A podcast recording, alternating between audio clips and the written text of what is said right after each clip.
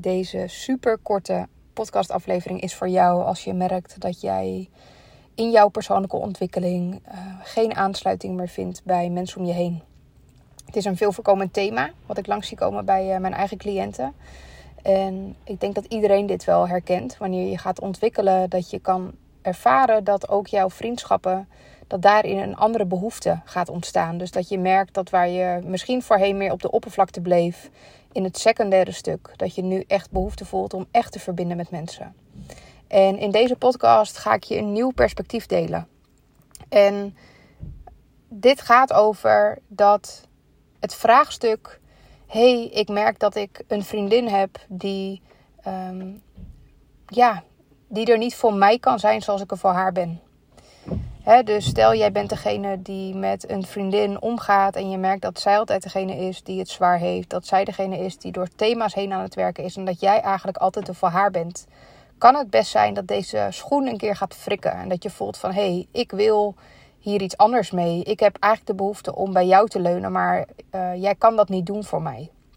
Als dit iets is wat je herkent, dan wil ik één ding met je delen. Het antwoord zit er namelijk waarschijnlijk niet in dat waar jij denkt dat die zit. Namelijk, ik moet uh, een nieuwe vriendschap aangaan of het zit niet in haar, want uh, ik ben er altijd voor haar. Het kan zomaar zijn bij 9 van de 10 uh, gevallen dat jij moeite hebt om gedragen te worden. Dus het zit hem heel vaak niet bij de ander, maar het, zeg maar, jouw mechanisme in deze vriendschap is niet voor niks dat jij altijd degene bent geweest waarop geleund werd. Dat jij degene bent waar mensen aansluiting bij vinden en even helemaal zichzelf kunnen zijn. Dat jij degene bent die uh, zonder oordeel luistert of um, ruimte biedt voor dat wat een ander in te brengen heeft.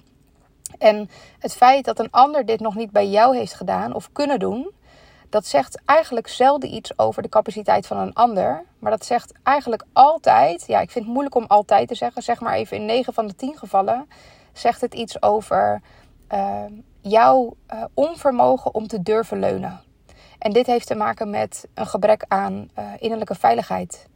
Dus de eerstvolgende keer, dat is de uitnodiging die ik je wil doen, dat jij in contact bent met iemand waar jij normaal gesproken um, ja, ervoor bent, hè, dus diegene leunt op jou. Ga eens onderzoeken wat jij van jezelf nodig hebt om je kwetsbaarder op te stellen in deze vriendschap of in deze relatie. Um, je zal merken dat dat het verschil gaat maken, namelijk. Dat je niet van een ander kunt verlangen dat hij of zij er voor jou is, wanneer jij zelf niet in staat bent om te leunen of om je kwetsbaar op te stellen.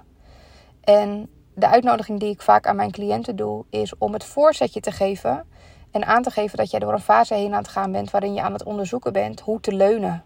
dat je dat gewoon niet geleerd hebt. En dat je wil onderzoeken of daar ruimte voor is in deze, um, nou, in deze relatie of in deze vriendschapsdynamiek. Dus het begint eerst bij jouw eigen kwetsbaarheid. En dus niet bij het eisen of het verlangen dat een ander verandert.